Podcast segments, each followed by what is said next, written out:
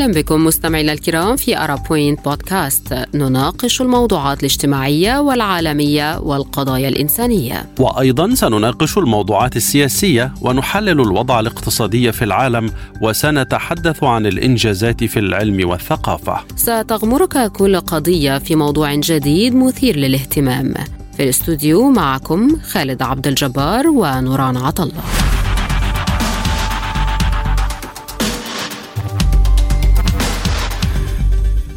فاتن أمل حربي لماذا تثير الجدل في الأوساط الدينية والنسائية؟ وفتح الأندلس لماذا يطالب المغاربة بوقف عرضه؟ مأدبة إفطار رمضانية تضم ممثلين عن ست طوائف دينية بما فيها اليهود في دبي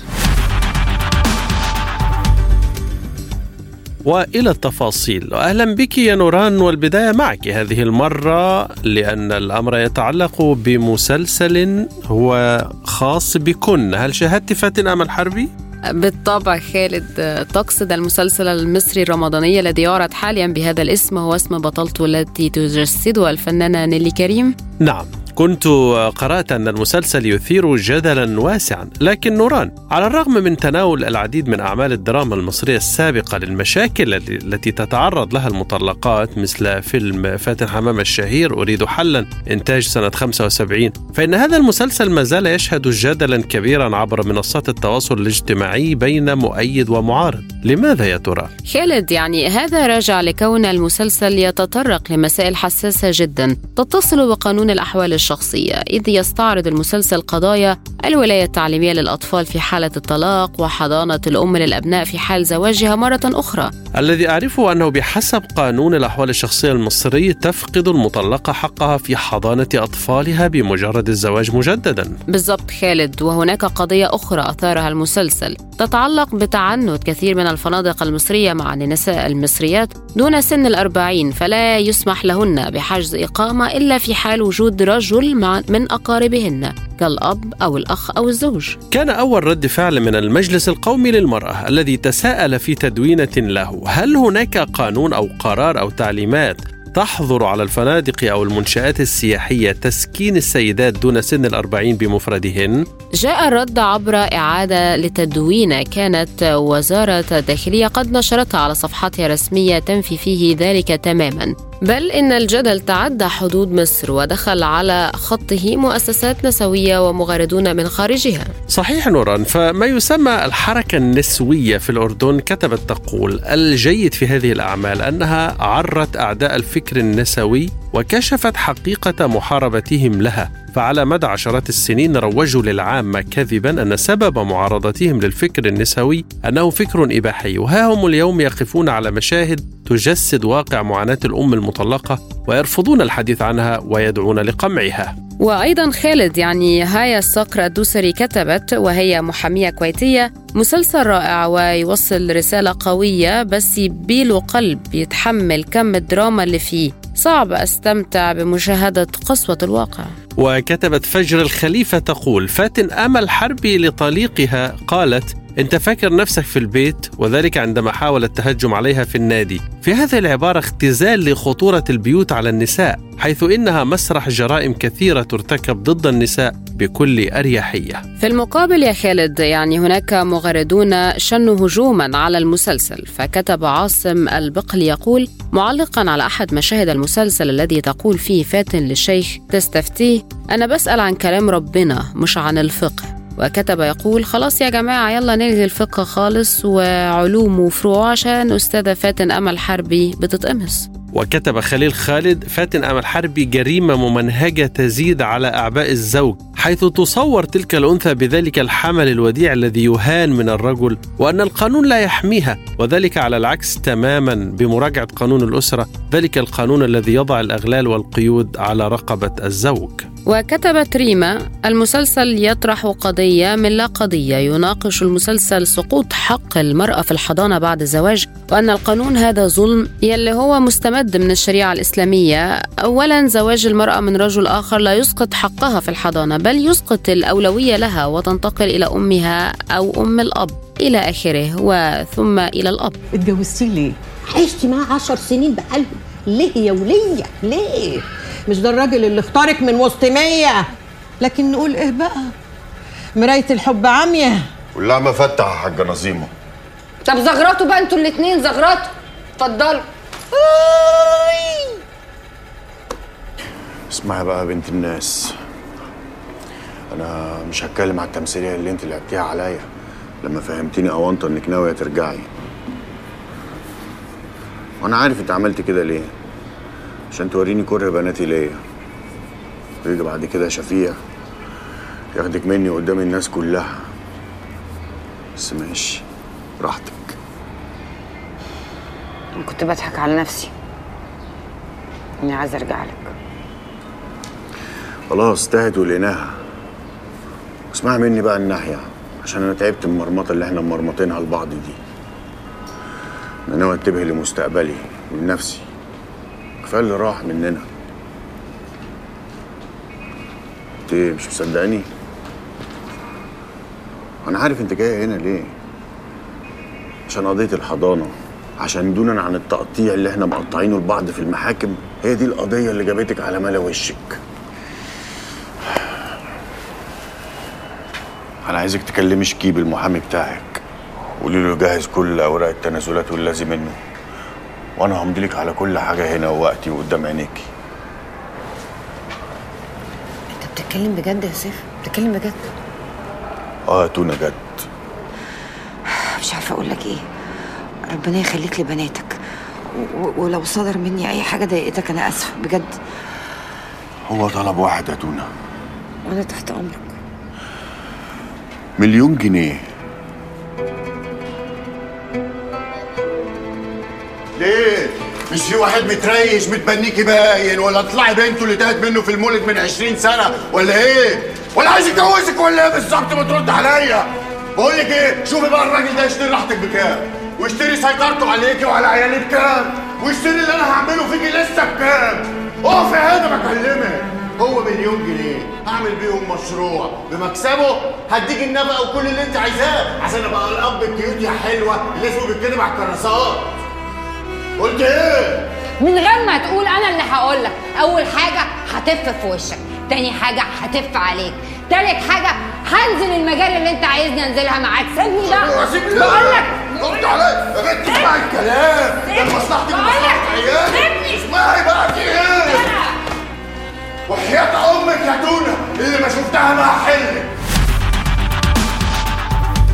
واضح أننا سنبقى يا نوران قليلا مع مسلسلات رمضان التي تثير جدلا ورفضا هذا العام.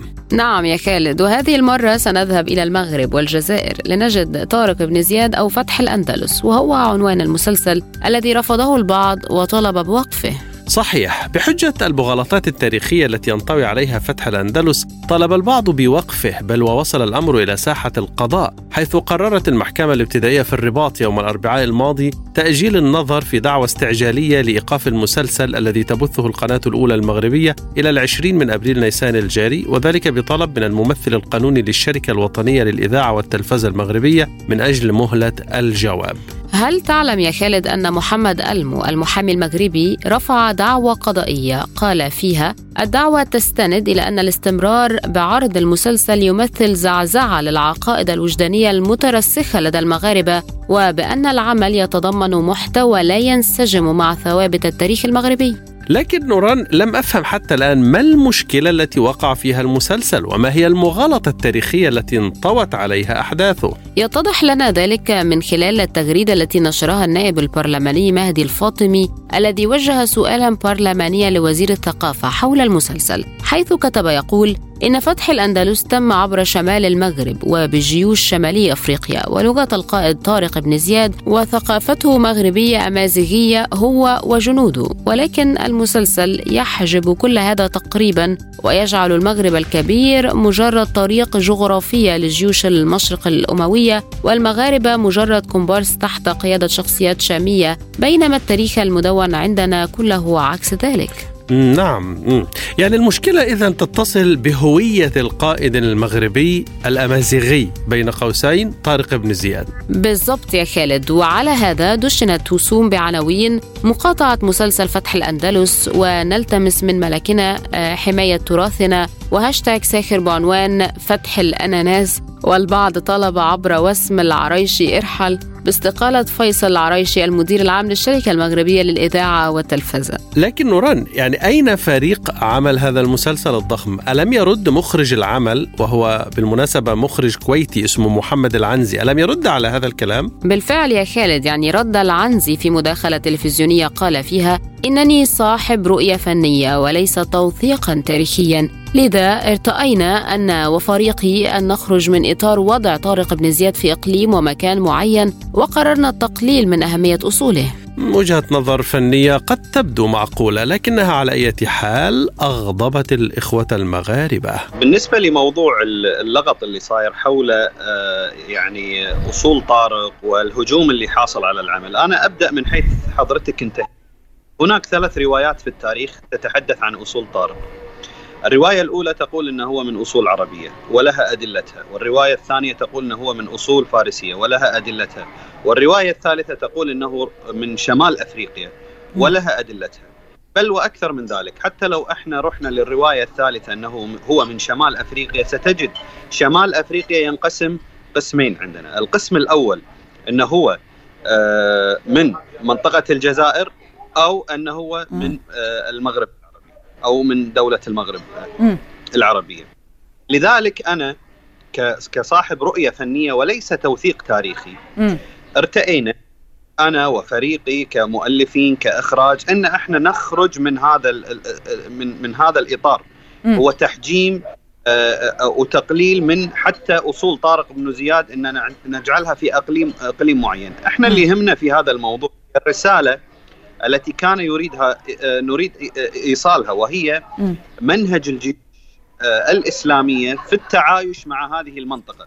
نحن لم نقل أن آه، هناك كثير من الهجوم فيه مغالطات وما إحنا لما نشاهد أن يكون هناك بيانات من الحلقة الأولى بل حتى في الربع الأول من الحلقة دون الرجوع والتقييم المنطقي والفعلي بعد مشاهدة العمل كاملا آه، آه، العمل إنتاج قطري كويتي. آه، ولا يوجد أي كاتب كويتي ولا يوجد أي كاتب قطري في العمل. كذلك لا يوجد ممثل كويتي ولا يوجد أي ممثل قطري في العمل. هل هذا معناته أن إحنا لأن من هذه الجنسيات نقوم بإحضار الجنسيات التي نحن نمول فيها؟ هذا الكلام نحن للمعيار الفني. نعلم في الوطن العربي وعلى مدار عشرات السنين أن أفضل كتاب في المنطقة هم الكتاب السوريين والمصريين. ما هي حكاية الإفطار الرمضاني الذي ضم ستة ممثلين عن طوائف دينية مختلفة يا خالد؟ المكان هو دبي أما الزمان فهو هذا الأسبوع والجهة المنظمة هي دائرة الشؤون الإسلامية والعمل الخيري الإماراتية. وأما الطوائف المشاركة فهي السيخ والبهرة والهندوس والبوذية واليهودية والكنيسة القبطية المصرية وبالطبع الجانب الإسلامي. يبدو أن هذه المبادرة أثارت جدلا كبيرا في الإمارات بين الداعمين للفكرة والرافضين لها. فبينما اعتبر البعض أن فكرة الإفطار تهدف إلى التسامح ونبذ العنصرية رأى آخرون أن هذه الخطوة تعد محاولة لتوثيق العلاقات مع إسرائيل على حساب المجتمع الإماراتي.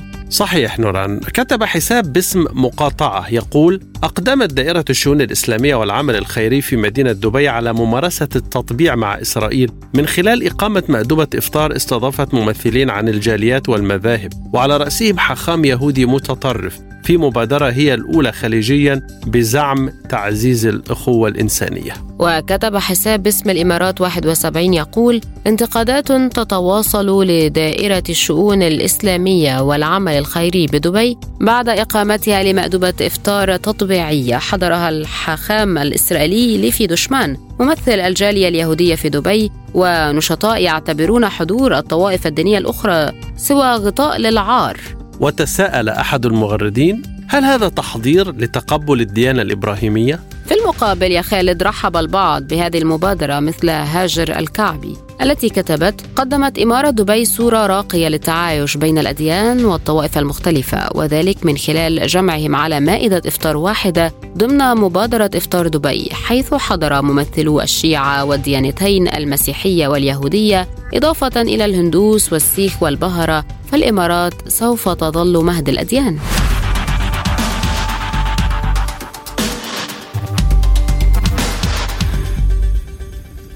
كان معكم أرا